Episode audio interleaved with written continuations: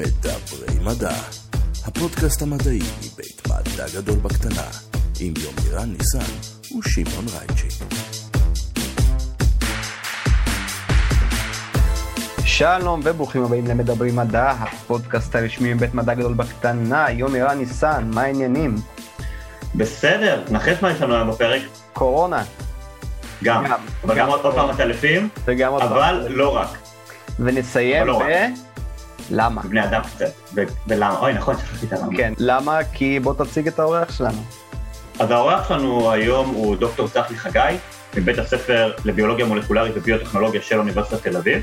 עכשיו, הוא אורח מאוד מיוחד גם עבורי, כי הוא גם הבוס שלי בקורס שאני מתרגל, הוא גם משתף פעולה איתי אה, במחקר שאנחנו עושים בעצם, שהוא יספר לנו בפרק, והוא גם אה, אה, המרואיין שלנו היום בפרק. אתה יודע, יש פה איזה מישמש מאוד יפה, אה, שמתכנס ל- לטובת העניין. כן, ומישמשים גנטיים אה, זה משהו שיעלה היום בפרק. פרק נהדר. זה הזמן להתחיל לדבר מדע. אהלן, דוקטור צחי חגי, ברוך הבא לפודקאסט שלנו, מה העניינים? שלום, תודה רבה, הכל בסדר? ערב יופי. אה, בימי קורונה אלה יומירן, מה העניינים? אה, אתה יודע, לוכדים עטלפים, אה, מס- צובעים עטלפים בלק, אה, מחמצנים עטלפים. אה, זה מה שנקרא יום חמישי. לפי הרקע שלך, אתה יודע, אני כבר לא יודע אם זה רקע או שאתה באמת במערת הטלפים מדי פעם. אה, שמע, אה, בהינתן שרוב היום שלי אני או על המחשב או משחק עם עטלפים, אתה יודע, אי אפשר לדעת. יאללה. אה, אה, צחי, בוא נכיר אותך קצת, ספר לנו בבקשה אה, מה אתה עושה, מה תחומי המחקר שלך ומה עושה לך דייט רומנטי. טוב, מה עושה לי דייט רומנטי? זה כבר זקן מדי. אה, אה, אני אה, חוקר חדש באוניברסיטת תל אביב, בפקולטה למדעי החיים, אה, ואנחנו חוקרים את הקו-אבולוציה אה, של מערכת החיסון שלנו נגד אה, וירוסים או נגיפים, שזה אותו דבר בעברית. בקו-אבולוציה אתה מתכוון שזה שני מסלולים אבולוציוניים שתלויים זה בזה, של שני אורגניזמים שונים? אז uh, יש פה מערכת יחסים מורכבת, ששני הצדדים בעצם מגיבים, מתפתחים ומתאימים את עצמם אחד לאחר. נכון? הרי יש פה בעצם מרוץ חימוש אבולוציוני uh, בין וירוסים ופתוגנים אחרים שכל הזמן מנסים לחדור לגוף שלנו ולהתרבות בו על חשבוננו, זאת המטרה שלהם, לא רוצים להרוג אותנו. אה, זה פשוט יוצא להם בדרך. ואנחנו אה, עוברים אבולוציה נגדם. עכשיו, כל פעם שאנחנו מפתחים אה, מגננה מסוימת שמונעת מהם מלהתרבות בהצלחה, אז בתהליכים של אה, אבולוציה, של מוטציות וסלקציה, אה, אות- אותם הנגיפים מפתחים איזה שהם יכולות לעקוף את המגננות החדשות אה, ששמנו, שהצבנו נגדם, וחוזר חלילה, זאת אומרת, עכשיו תורנו, כן, לפתח כן. שוב פעם בתהליכים אה, של אבולוציה, אה, עמידות נגד אותם אה, נגיפים. והמרוץ הזה נמשך, אה, לפי מה שכבר דיברנו עליו פה בפודקאסט כמה פעמים, אה, מימים שאנחנו אפילו לא בטוחים בדיוק מה הם, אבל זה כנראה ימים קדומים מאוד. כן, כן, אני... אה, המאבק האבולוציוני בגדול, שמעון, מהרגע שיש חיים, יש מלחמה אבולוציונית. כאילו, ספצ- ספציפית וירוסים. לא, אה, וירוסים, אגב, וירוסים זה- זו שאלה מעניינת מבחינה אה, מולקולרית, אולי צריך קצת יותר להתעמק בזה, אנחנו לא יודעים מה המקור של וירוסים, כאילו יש אה, שלוש היפותזות מובילות, אבל אנחנו לא יודעים מאיפה הם הגיעו. אנחנו רק יודעים שהם מאוד מאוד קדומים, בין היתר כי אנחנו פשוט רואים שלאורך כל, ממש כל, אה, שלושת העל ממלכות שיש בעולם הטבע, כלומר בקטריות, ארכאות ואיוקריוטים, כלומר חיידקים, ארכיונים, שזה מה שנקרא חיידקים קדומים, ואיוקריוטים, שזה בעצם יצורים שיש להם אה, קומפרמנטיזציה, כלומר מידור תוך תאי, אה, כמו בני אדם גם, יש נגיפים שתוקפים אותם. כלומר, זה משהו סופר סופר עתיק, גם הנגיפים האלה הם מאוד מותאמים לרוב פר אורגניזם. אנחנו יודעים שזה מאוד עתיק, אנחנו לא יודעים עד כמה זה עתיק, ואנחנו לא יודעים מאיפה ומה גרם לזה להתפרץ ככה. Uh, טוב, נשמע שקורונה זה לא uh, חדשות גדולות אם ככה. זה ביניהם מתבונן, אבל הקורונה כן. היא לא המגפה הראשונה, ואפילו לא המגפה הראשונה במאה השנים האחרונות שתקפה את המין האנושי, וגם כנראה לא המגפה האחרונה אה, שתעשה את זה. והיא אפילו לא הכי מוצלחת ונוראית. כן. אה, היא, היא, היא בעייתית נורא מבחינה כלכלית, היא לא בעייתית מבחינה, אה, מבחינת מה שנקרא מערכות הבריאות המודרניות. היא פחות בעייתית ברמת התמותה שלה, או אפילו ברמת ההתפשטות שלה.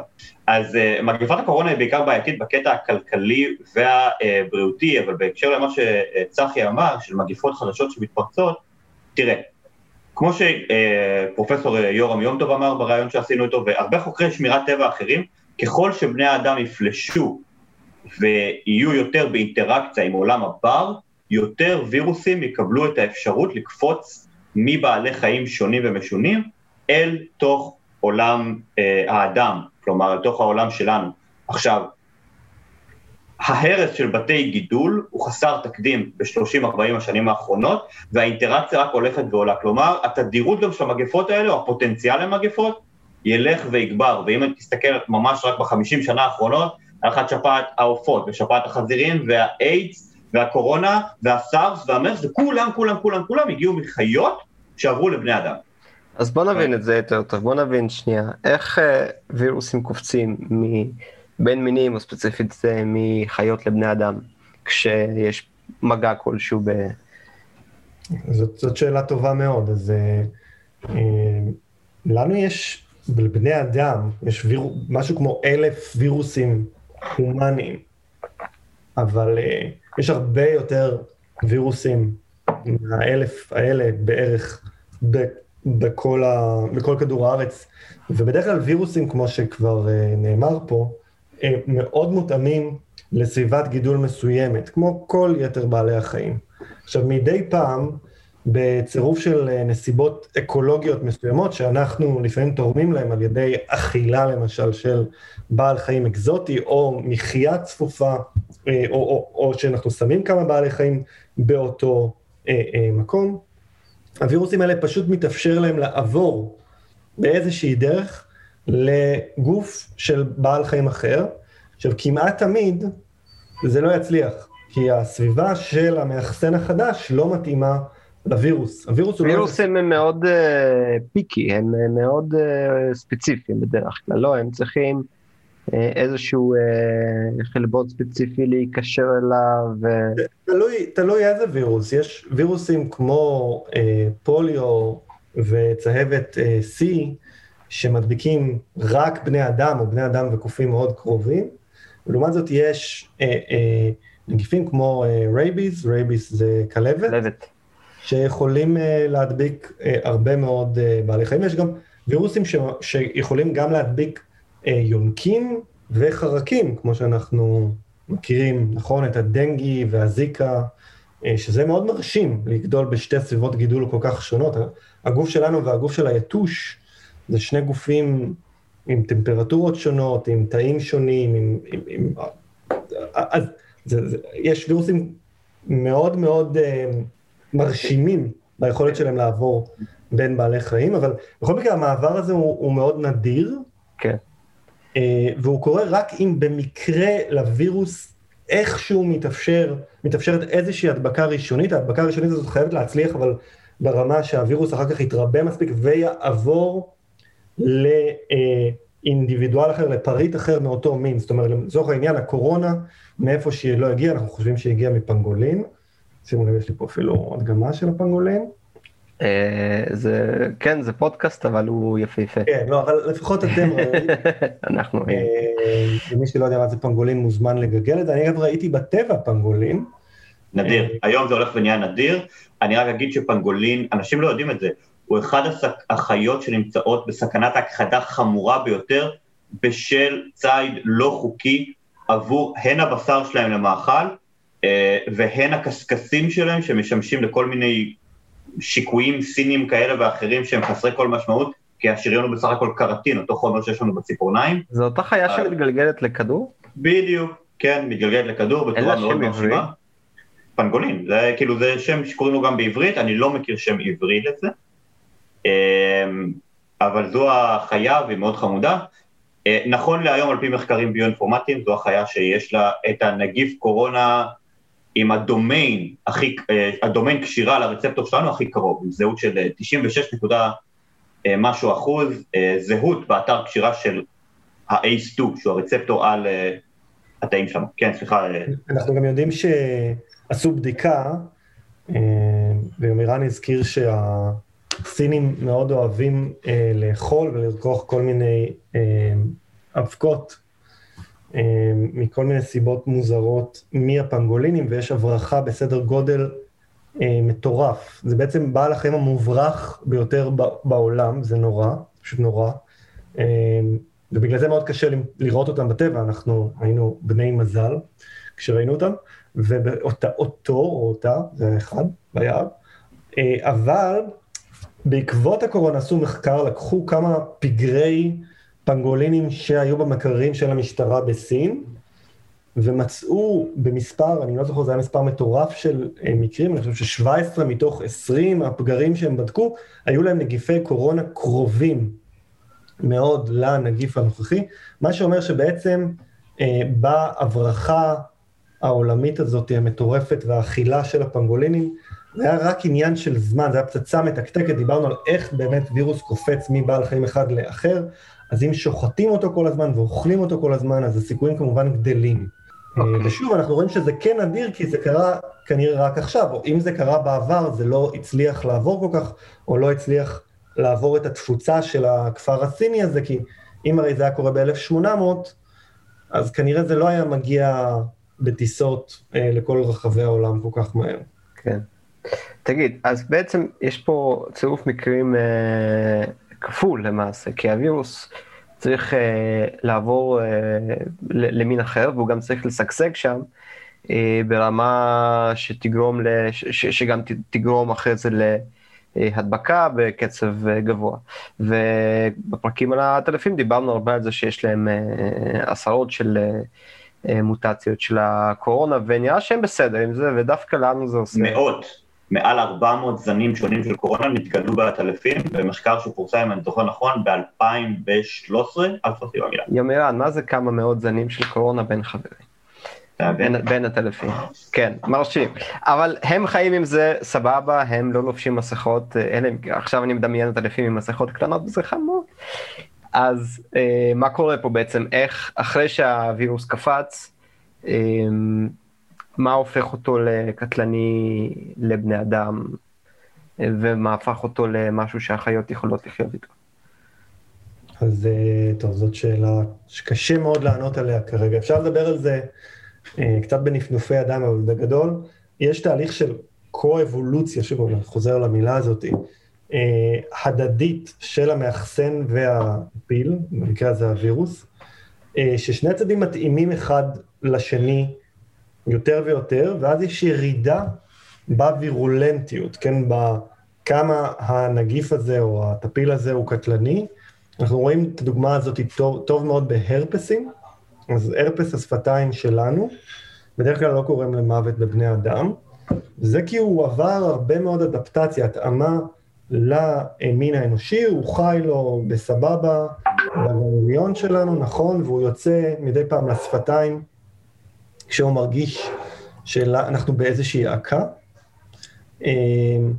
אבל אם אנחנו נידבק בהרפס השפת, השפתיים המקביל של אה, קופי עולם אה, אה, ישן, כמו קופי מקוק, ריזוס מקק, שלהם, שוב פעם, יש הרפס שפתיים שלא עושה להם כלום, חוץ מפצעים בשפתיים, אז אנחנו כמעט תמיד נמות מוות די נוראי אה, אה, מהווירוס הזה, פשוט כי יש פה איזשהו שיבוש של השיווי משקל אה, אה, בין הווירוס אלינו. עכשיו תשאל אותי, בסדר, אבל מה בדיוק ברמה המולקולרית קורה, זאת כבר שאלה אה, קשה.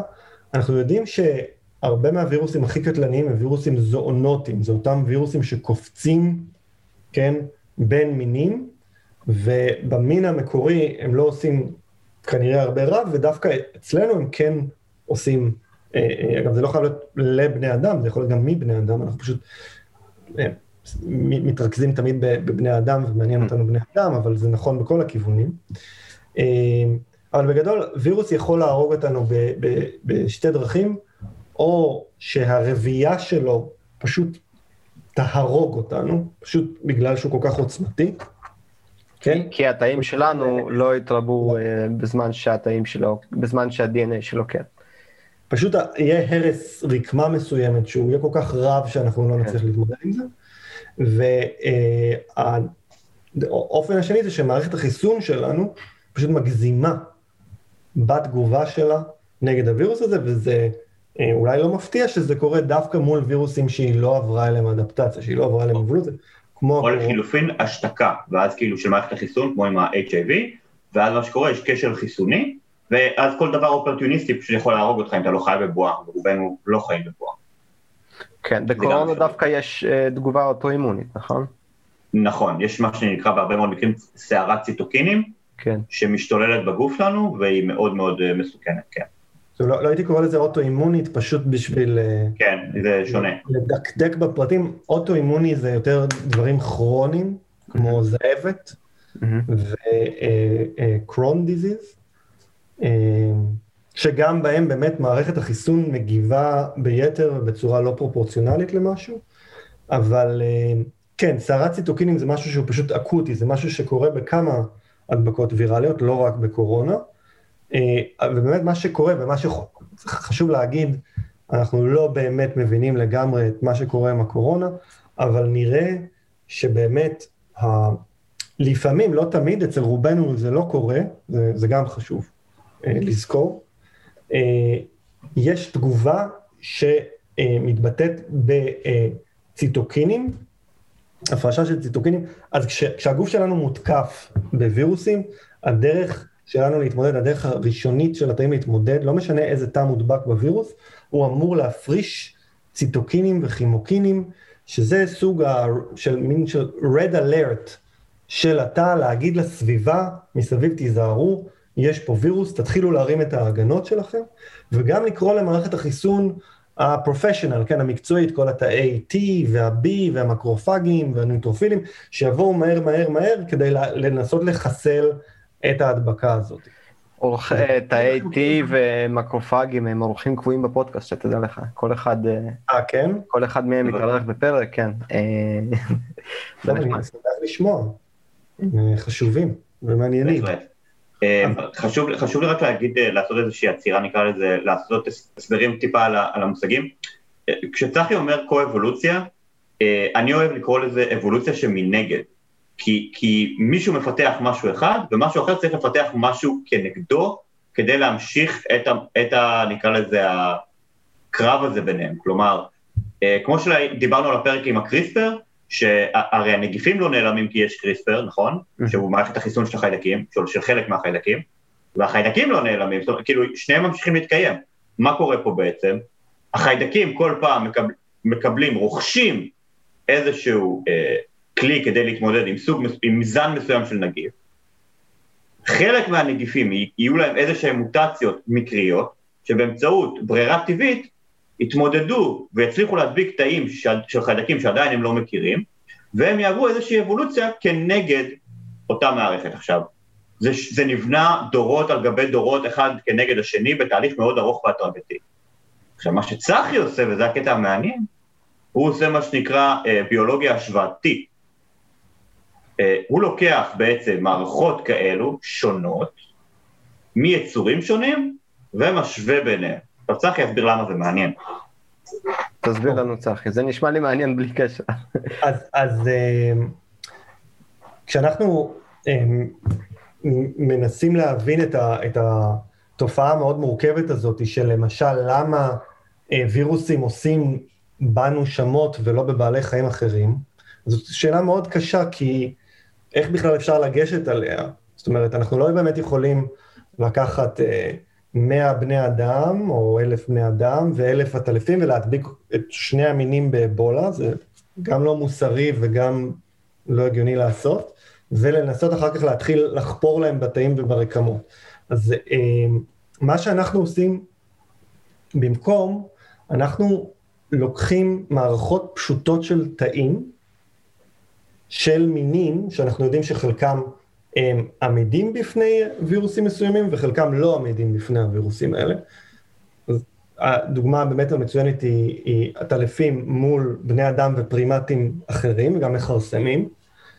עטלפים אנחנו יודעים שהם עמידים לא רק נגד uh, הקורונות, גם נגד המשפחה, uh, הרבה מהמשפחה של האבולה, שזה נגיפים הרבה יותר מפחידים מקורונה, במובנים מסוימים.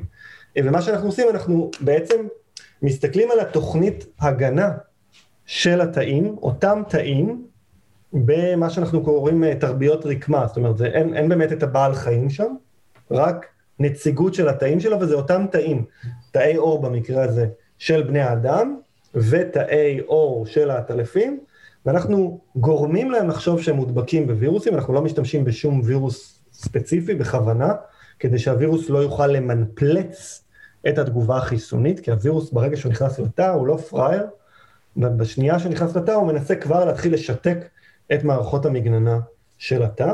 לכן אנחנו לא משתמשים בווירוסים אמיתיים, אנחנו גורמים לתא לחשוב על ידי חיקוי של וירוס שהוא מודבק בווירוסים, ואז בעצם יש לנו את כל התגובה התאית המלאה, גם בתאי עור של הטלפים, גם בתאי עור של בני אדם, ואז אנחנו יכולים להשוות ביניהם. ממש...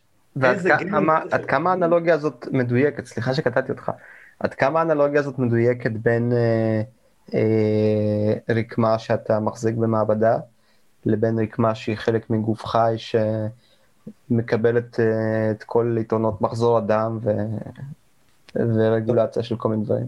זאת שאלה מצוינת, אז אה, מודל תמיד יש לו חולשות וחוזקות, וזה בסך הכל מודל. המודל הזה קודם כל מאפשר לנו לעשות את זה, כי אה, אין הרבה כן. אפשרויות פיזיביליות לעשות את ההשוואות האלה, וככל שתסתבך, כן, אם תיקח, תתחיל לקחת רקמות או ממש בעלי חיים, אז אתה תתחיל להסתבך מכל, בכל מיני מובנים, אה, באיך לעשות את זה מעשית. וגם איך ממש להבין למה אנחנו רואים את ההבדלים. אז באמת היתרון פה הוא הפשטות והשליטה, הבקרה בדמיון בין המערכות ובתנאים שאנחנו בודקים אותם, וכמובן השאלה היא כמה זה רלוונטי פיזיולוגית. אז אנחנו עומדים על כתפי הרבה מאוד ענקים שהשתמשו במערכות אה, תאיות פשוטות אה, כדי להבין תופעות חשובות בביולוגיות, כולל גם למצוא אה, חיסונים אה, לווירוסים כאלה ואחרים. אה, כמו שאתם אולי, אני לא יודע אם דיברתם על, על הפיתוח של חיסון, ה, החיסון נגד הפוליו בשנות ה-50, שזאת גם הייתה מגפה, וזאת הייתה מגפה הרבה יותר מפחידה ממה שיש לנו היום. אתה רוצה רגע לתת מילה על הגילוי, כי זה בהחלט מתקשר לעבודה שלך? אז, אז, אז שם הם פשוט השתמשו אה, בצורה חכמה, לא, לא, לא בדיוק כמו אצלנו, אבל הם השתמשו, קודם כל, הגילוי, ה, לא גילוי, השימוש בתאי הילה, שזה, ה, אני לא יודע אם כבר דיברתם על תאי הילה, תאי הילה לא, זה... לא דיברנו.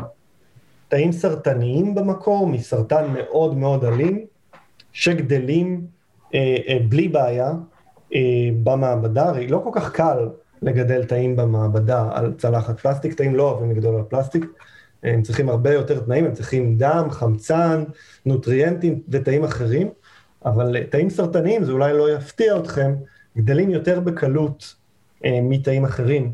כשעבדתי עם תאים סרטניים, הבדיחה הייתה זרוק אותם על הקיר, יהיה לך גידול. נכון, אז, אז תאי הילה הם תאים כל כך חזקים שבעבר אנשים היו שמים אותם במבחנות אפנדורף קטנות של 1.5 ml עם קצת אה, מיץ, שמים אותם בכיס שלהם של החולצה וטסים איתם ממקום למקום ופשוט מגדלים אותם אה, אה, הלאה. אנחנו לא עובדים עם תאים כאלה, אנחנו עובדים עם תאים שהם לא סרטניים, כדי אה, לבדוק את מערכת החיסון היותר אה, אה, טבעית. אבל בחזרה לשנות ה-50 ולפוליו, ההילה סלס שימשו מצע אה, שבלעדיו אי אפשר בכלל היה לגדל את הפוליו במעבדה, ומה שהחוקרים שה, שעבדו על החיסון עשו בשימוש מבריק של, של הבנה של אבולוציה, הם, הם, הם בעצם עברו בין תאים אנושיים לתאים של קופים, ובעצם אה, אה, אה, שהיו דפוקים יותר, ולפוליו היה יותר קל להתרבות בהם, ובעצם הם ככה גרמו לאבולוציה במבחנה, או יותר נכון בצלחת פטרי, של הנגיף הפוליו, והוא בעצם נהיה קצת חלשלוש כזה, כן? צריך כמו לקחת אה, אצן אולימפי ו- ו- ולתת לו אה, לרוץ בבוץ. בתנאים יותר ויותר קלים. ובעצם... אה, אוקיי, להפך, בתנאים קלים. ואז הוא נחלש. ואז הוא נחלש, וזה הפך להיות חיסון. כמו דילול עצמות. אגב, הוא עדיין ישיג אותי.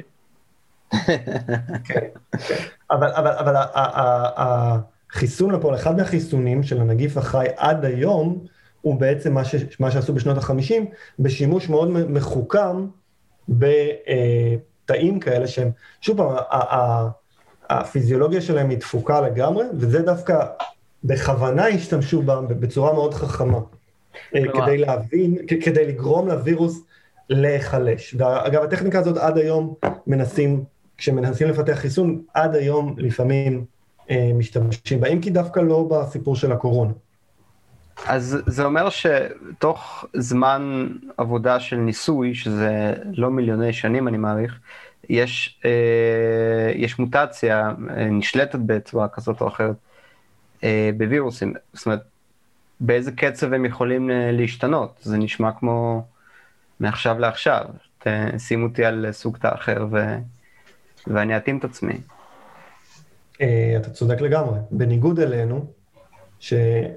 לנו לוקח מאות ואלפי שנים, ומיליוני שנים גם לעשות דברים משמעותיים באבולוציה. אה, וירוסים יכולים לעבור אבולוציה ברמה של אה, ימים, זה פונקציה של גודל האוכלוסייה וזמן המחזור שלהם וגם הלחץ האבולוציוני עליהם להתפתח. גם הנגיף הקורונה שלנו, שהוא אגב כנראה יושב אבולוציונית טוב, כלומר, הוא לא צריך כל כך להתפתח, עדיין הוא מקבל קצת מוטציות, אומרת, הוא מכניס לעצמו אה, אה, אה, כמה מוטציות בגנום, אחת, שתיים, במעבר שלו בין כל אדם מודבק לבא אחריו. הרוב המוחלט של המוטציות האלה, אגב, לא משפיעות על היכולת שלו להתרבות, וגם לא על כמה הוא קטלני או לא, אם כי כבר זיהו זנים אה, ש, שהוא כן עבר איזושהי אבולוציה והוא אה, בצורה מעניינת הוא נהיה פחות קטלני, אבל יותר מדבק. אז, אז, אז אפילו הקורונה כבר עברה אבולוציה. אני רק אחזור, סליחה, כן. היא, היא דווקא לא אחד הנגיפים שעוברים אבולוציה הכי מהר. אני אגיד שני דברים אה, אה, חשובים בהקשר הזה. הראשון, אתה לא צריך, ש... זה שהחלשת את הווירוס, הרעיון הוא שבזמן הזה מערכת החיסון שלך תזהה אותו, לא תותקף בצורה האגרסיבית, תפתח את הנוגדנים, וזהו, גם עכשיו שיבוא הבחורצ'יק החזק, השרירי, אה, לא המוחלש, מערכת החיסון שלך כבר מוכנה. זה הרעיון בעצם של חיסון, ללמד את מערכת החיסון. זה דבר אחד לגבי הפוליו. הדבר השני לגבי הקורונה, ומה שצחי בדיוק ציין, יש אה, עוד לפני, אה, עוד לפני הסארס קוב 2, שזה בעצם הקורונה החדש שיש לנו היום, היו שישה זנים אחרים שאנחנו יודעים שהם פתוגנים לאדם. הסארס והמרס נעלמו כי הם היו הפתוגנים ביותר. אלו שהם הכי פחות פתוגנים, כלומר הארבעה האחרים שאנחנו מכירים, אז יש, בסך, אז יש את הארבעה נגיפי קורונה האחרים, שעוברים מאחד לשני, מדביקים אחד את השני, אמ, אין בידוד, אין מוות, אין העמסה על בתי החולים, קצת אה, אה, לקנח את האף אה, כמה פעמים ביום, כמה פעמים בדקה יותר נכון, אוטריווין או whatever, וזה עובר. אה, ואלו המוצלחים, אלו שחיים בסימביוזה איתנו בעצם. יש לי שאלה. אמ, בעצם, אם הווירוסים הם אה, עתיקים, ואנחנו גם אה, הזכרנו באחד הפרקים כמה מתוך ה-DNA שלנו הוא כנראה, או אולי מורכב מווירוסים קדומים. בערך חצי, כן. אז אה, בוא, בוא, בוא, בוא נצלול לתוך זה קצת. איך, איך אותם פתוגנים אה, אה, עתיקים השפיעו על האבולוציה שלנו כבני אדם? זה גם תהליך של קו-אבולוציה בקנה מידה רחב.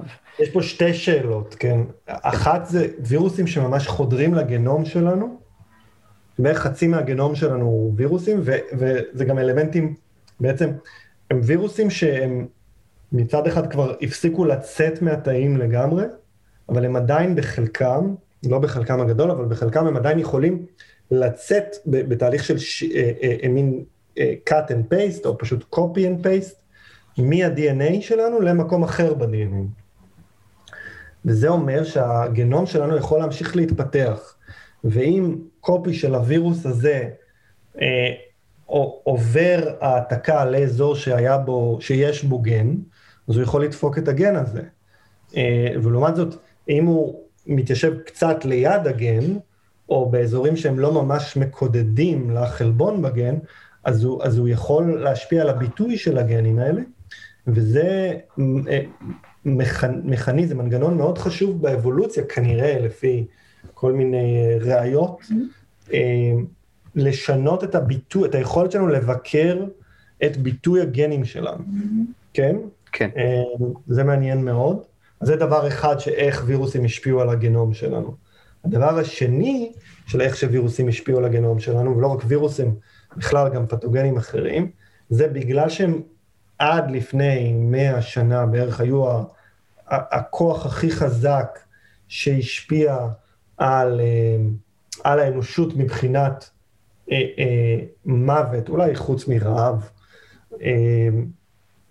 אז זה אומר שאם הייתה לך עמידות לווירוס מסוים, אז ניצלת והיית יכול להוליד ילדים, והגנים שלך וה-DNA שלך היה כמובן מתרבה באוכלוסייה, בניגוד לאחרים שהיו מתים. ולכן אה, אה, פתוגנים נחשבים לפקטור המרכזי, כיום אנחנו יודעים את זה, אה, באבולוציה של בני אדם. הראשון שהציע את זה, אגב, היה ב-1942, בחור בשם הולדיין, חוקר אבולוציה, בדור השני של חוקרי אבולוציה, זה הדור שאחרי דרווין ווולס, אה, והוא היה איש מאוד אקסצנטרי אה, ומוזר הולדיין, אפשר לקרוא עליו בוויקיפדיה, מי- למי שלא מכיר. הוא, כמו הרבה גאונים מטורפים אחרים, סיים את חייו בהודו, לגמרי אה, איבד את זה, אבל לפני שהוא איבד את זה, איבד או מצא? מה? איבד או מצא? הוא מצא את זה, ואז הוא הלך זה- לאבד את זה בהודו. שאלה אחרת, כן. Uh, בכל מקרה, uh, הולדיין שם לב לקישור, לאסוציאציה בין uh, אנמיה חרמשית, כן? שזאת מחלה גנטית קשה, שפוגעת בתאי דם אדומים וגורמת למוות uh, ב- בילדות, ב- בינקות אפילו, uh, ולאזורים שבהם יש מלאריה, כן? אה, ובעצם הקשר הזה, שבו, אה, טוב, אני לא, לא יודע עד כמה אפשר להיכנס לפרטים האלה, אבל הרי לנו יש שני עותקים של כל גן, נכון? אז במקרה הזה אנחנו מדברים על גן ההמוגלובין, ההמוגלובין זה החלבון הכי חשוב בכדוריות הדם האדומות, כי זה מה שקושר חמצן או פחמן דו-חמצני. מהמם. יש לנו שני עותקים שלו, לרובנו יש עותק נורמלי ועוד עותק נורמלי.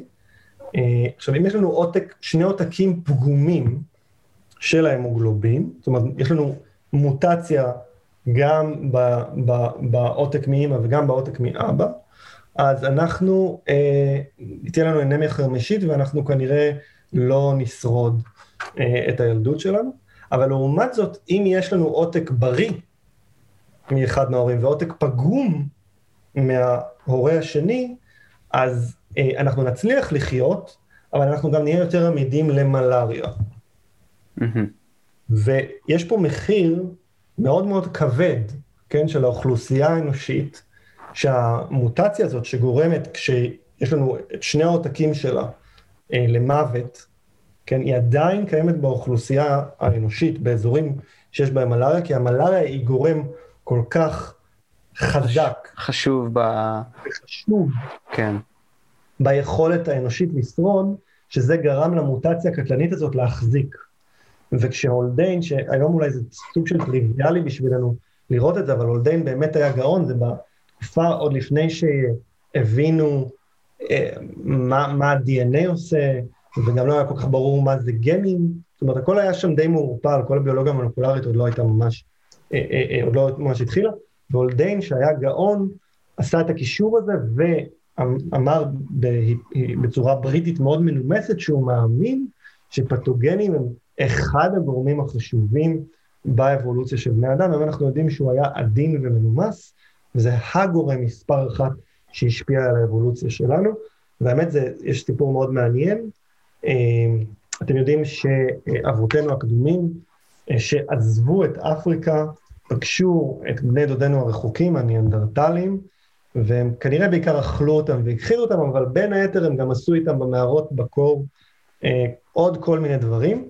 ובעצם כל בני האדם שנמצאים, אה, אה, אה, ב, ש, שיש להם... לסהרה, צפונית לסהרה. נכון, שצפונית לסהרה, באזור של אירופה ורוב אסיה, יש להם חלק מהגנום שלהם שהגיע מניאנדרטלים.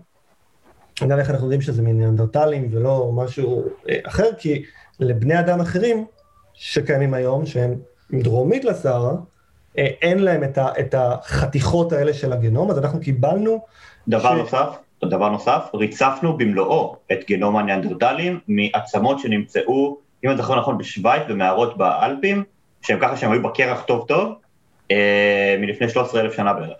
זה, אה, זה, זה, זה מערות באזורים מאוד קרים, לצערנו נגיד כן. את הניאנדרטלים בארץ, אנחנו לא יכולים כנראה, נכון. כנראה. אם תחפש, תמצא כמה גם היום. מה? לא, אם תחפש ניאנדרטלים בארץ, אה, תמצא כמה גם היום. כן, אז אני רוצה להגיד לך שכשהמאמר הזה של אה, אה, הגנום של הניאנדרטלים יצא, הם ישר עשו השוואה וגילו בעצם שיש לנו חלקים משמעותיים בגנום שלנו שהגיעו מהניאנדרטלים, ואני אמרתי לעצמי, אני לא הייתי צריך לסקוונס גנום הניאנדרטלי בשביל לדעת את זה. אבל מה שאתה אומר פה הוא, הוא דבר מדהים, זאת אומרת, כל מה שאנחנו יודעים על אבולוציה, אותו survival of the fittest, אנחנו תמיד... זה מוצג לנו כהנה הג'ירפה אוכלת עלים קצת יותר גבוהים מאחרים, אז זה יתרון אבולוציוני והיא מגדלת את הצוואר. אנחנו תמיד מדמיינים איזה מישהו רץ בג'ונגל ומתאים את עצמו לחיות יותר טוב בג'ונגל, אבל בעצם בני אדם במאות אלפי שנים האחרונות מתמודדים, אה, לפי מה שאתה אומר, כמעט אך ורק עם וירוסים. זה הבעיה הגדולה, לא העלים ולא אה, לרוץ מהר אחרי אה, טרף. אבל זה הגיוני, כי הוצאנו את עצמנו מעולם הטבע. זאת אומרת, בני אדם כבר, במהפכה החקלאית, בעצם הוציאו את עצמם מהצורך של התלות הזו שאתה מדבר עליה, של אה, ליקוט וציד של מזון. כן, כלומר אה, האיזון הופר עד כדי כך שבעצם שינינו גם את, את, ה, את מקור הלחץ האבולוציוני שלנו. בדיוק. זה, זה, לא, זה לא רק זה, זה נכון שזה גם תרם, אבל גם אצל בעלי חיים אחרים, אנחנו יודעים שהפתוגנים הם אה, הגורם מספר אחת כנראה ללחץ האבולוציוני להשתנות. כן, אתה תמיד צריך להשיג אוכל, כן. אבל אוכל הוא, הוא פחות או יותר קבוע, זאת אומרת, אם התאמת את עצמך לגדול על עצים ולאכול, לא יודע, פירות הדר, אז פירות הדר הם שם. כן, אלא אם כן יהיה עכשיו פתאום התחממות גלובלית והם ימותו ותצטרך לעבור אדפטציה מהר למשהו אחר, אבל הפתוגנים יש הרבה מהם והם כל הזמן משתנים בגלל אותו מרוץ חימוש אבולוציוני בינינו לבינם, אז גם האלמנט הזה של השינוי כל הזמן, וגם העובדה שהם גורמים לנו למוות, ואם לא מוות אז לנכות או להורדה של הפוריות שלנו, זה דברים שהם ישירות מורידים את הכשירות שלנו. אגב, אחת, אחד ההיפותזות, או יותר נכון, כבר אפשר להגיד יותר לכיוון התיאוריות, ללמה לדוגמה אה, ציפורים אה, נודדות, זה בין היתר כדי, כי אלה ש... חולות, מודבקות, חלשות, לא מסוגלות לעבור את המאמץ הפיזיולוגי האדיר הזה, אה, פשוט ימותו בדרך. ו... אבל אלה שיצליחו, אלו המוצלחות ביותר, המותאמות ביותר, החזקות ביותר, אלה שהכי פחות חולות בפתוגנית. תחשוב שכאילו כשהן ציפורים נודדות, כשהן נוחתות באזורי החריפה שלהן, אז לך לאגרון החול, אתה תראה שם, לא יודע מה, 50 אלף עגורים מרוכזים ברדיוס של, לא יודע מה, 300-400 מטר. אה, אז אלה שהכי מצליחים להתמודד עם כל הקשיים האלה, הם אלה שיזכו לחזור לאזורי מה שנקרא הכינון, ולהעמיד את דור הצאצאים הבא. טוב, אני רק רוצה לחזור לניאנדרטלים. אה, שגילינו שחלקים מהגנום שלנו, אה, בעצם קיבלנו אותם בירושה מהם, בירושה ברקומבינציה, כן? אה, ומה שמעניין הוא שלא לא כל הגנים שלנו בעצם קיבלנו בהורשה מהניאנדרטלים, או הם כף... לא, לא יודע איך להגיד את זה בעברית, יש אינטוגריישן של הגנום הניאנדרטלי, הוא, הוא בעצם נמצא בחלקים מסוימים אצלנו בגנום, אבל מה שמעניין... זה שילוב בעצם של הגנום הניאנדרטלי, חלקים ממנו אל תוך הגנום שלנו. כן. או הטמעה. כן, אז, אבל ההטמעה, זאת מילה טובה, ההטמעה הזאת היא לא הומוגנית על כל הגנום, ומה שמעניין הוא שהיא מואשרת דווקא בגנים של מערכת החיסון ובגנים שאנחנו יודעים שעוברים אינטראקציה עם וירוסים. מה זה אומר? זה אומר שאנחנו קיבלנו מאבות, כן, יש לנו כנראה כמה אבות ניאנדרטלים גם בעץ שלנו במשפחה, מזמן, מזמן, מזמן, סבא רבא רבא. כן, כל פעם שאני רואה את שמעון זה ישר, בול, כזה, לך יש גנים ניאנדרטלים, מאה אחוז. אבל, אני לא בטוח שיש לי אחרים. אבל אה, דווקא הגנים של מערכת החיסון, דווקא הם, קיבלנו הרבה מהם מהניאנדרטלים, וזה, יש פה טוויסט עצוב וממש עדכני לסיפור, שאותם אנשים שפתרו את הגנום הניאנדרטלי גם הראו עכשיו, שאם קרה שיש לכם איזשהו חלק של הגנום הניאנדרטלי אצלכם בגנום, הסבירות שלכם לחלות קשה בקורונה היא גבוהה יותר. זאת אומרת שיש לנו סוכרת מהעבר שבאה לרדוף אותנו, ייתכן בהחלט שאותו חלק של הגנום אה, עוזר לנו או עזר לנו בעבר נגד מחלות אחרות, אבל מה שיכול לעזור לך נגד פתוגן אחד, יכול לה, אה, להרוס לך או להחליש אותך נגד פתוגן אחר, וזה המקרה עם הקורונה. אני חייב להגיד שאני זורק פה היפותזה, אולי מופרעת, אבל הרבה דברים מגניבים בעולם המדע נעשים בצורה הזו, אבל היא היפותזה שלי אישית, מופרעת, רק על בסיס מה שאתה אמרת עכשיו, שיכול להיות שחלק מהתמותה המאוד גדולה שאנחנו רואים בהרבה מאוד מקומות שהם אה, בעלי אוכלוסייה אירופאית, כמו אה, אזורי ארצות הברית, אירופה, אה, צפון אירופה, זה לא נובע רק מהגיל, אולי גם בגלל העובדה שאחוז הגנום הניאנדרטלי שלהם יחסית גבוה, לעומת זאת ישראל, שהתמותה בה, גם האחוזית היא יחסית מאוד נמוכה, היא בין היתר בגלל שיש כאן די מישמש מאוד גדול של אנשים שהתערבבו אחד עם השני. השאלה למה אנשים חולים יותר קל או יותר קשה בקורונה היא, היא שאלה מורכבת, כמו כל מחלה מדבקת אחרת. וזה שילוב של גנטיקה עם סביבה. סביבה זה כל הגורמים הלא גנטיים, כולל גיל ומין, ואם אני בריא או לא בריא, ואם יש לי מחלות רקע או, או לא, אה, ו, ובאמת כמה אני מבוגר, שזה בהחלט אנחנו רואים שיש לזה השפעה, וגם היכולת של ההתפשטות של המחלה היא גם תלויה במבנה של האוכלוסייה, כמה אנשים מבוגרים גדלים בסמיכות לאנשים צעירים, כמה הם יותר צפופים, אנחנו בוודאות רואים שאזורים שאנשים חיים בצפיפות יותר גבוהה, אז המחלה מתפשטת יותר מהר. אה, ואני חושב שדווקא בארץ, בגלל שהאוכלוסייה היא צעירה יותר, אה, יש פה אה, אחוזי תמותה נמוכים יותר, למזלנו. עוד מוקדם להגיד מה בדיוק הסיבות הגנטיות, מה התרומה הגנטית לסיפור הזה. אז זו לחלוטין היפותזה שלי, יש עוד הרבה מאוד זמן עד שהיא, אם בכלל, תופרך או תיכנס כתיאוריה. אבל uh, משהו שאני רוצה להיכנס אליו טיפה יותר, אה, צחי, זה באמת המחקר שלך. אז עשינו באמת איזושהי הקדמה למה אתה עושה ואיך אתה עושה ולמה זה מעניין ולמה זה חשוב גם. בואו נדבר באמת על מה אתה עושה, איך אתה עושה את זה ואיך זה הולך לשנות את העולם. טוב, לשנות את העולם זה קצת... אה... לא, לא, לא, אתה מחויב עכשיו, ברגע שאתה מתארח אצלנו בפודקאסט, שינוי העולם זה חלק מהחוזה.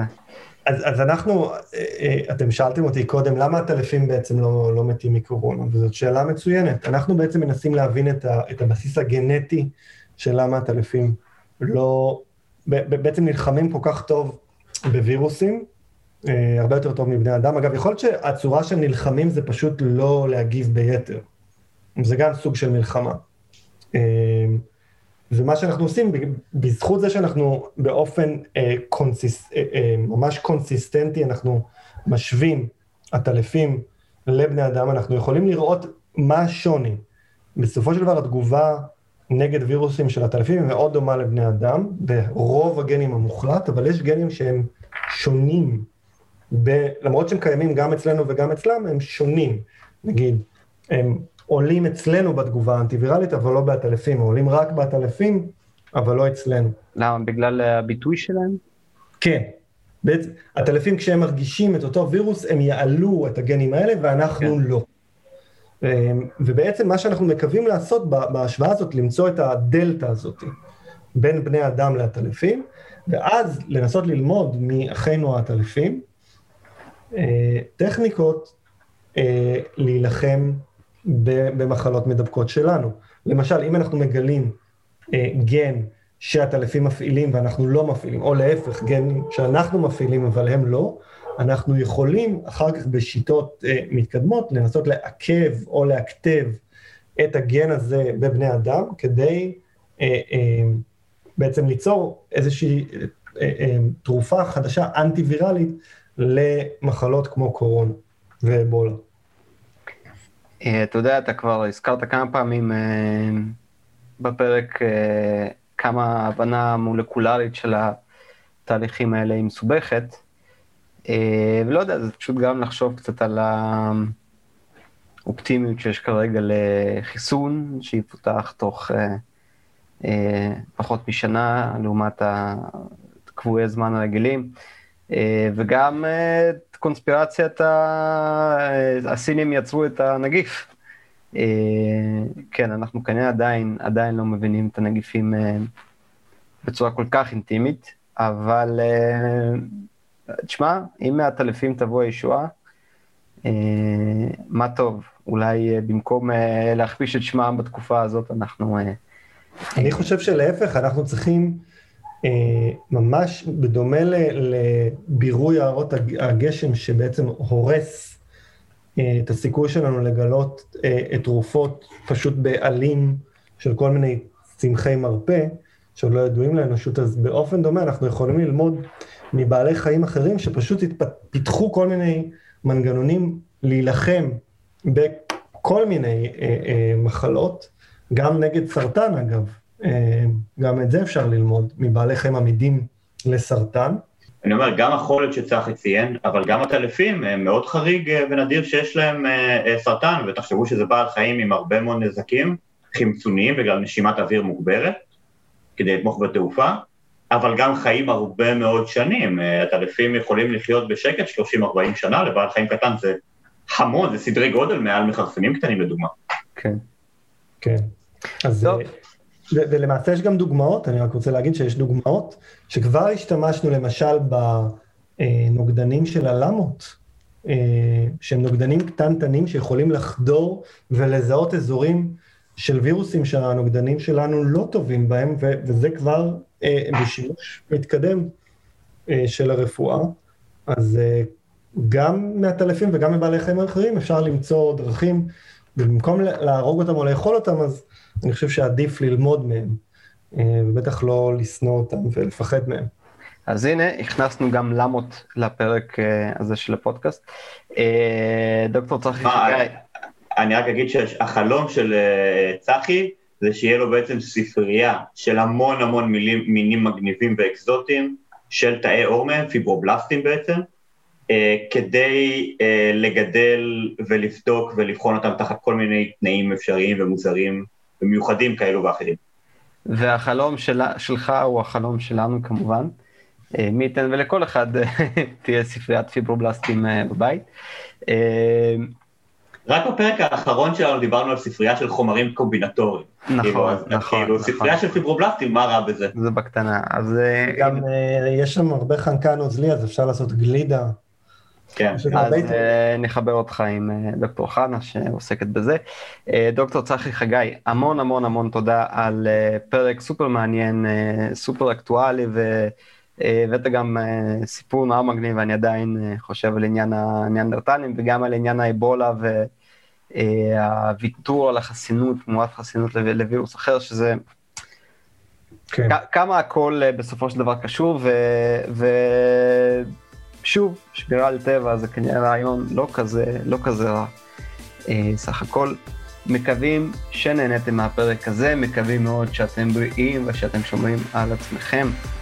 יומירן, אתה רחוק ממני, אבל קרוב בלב. תמיד.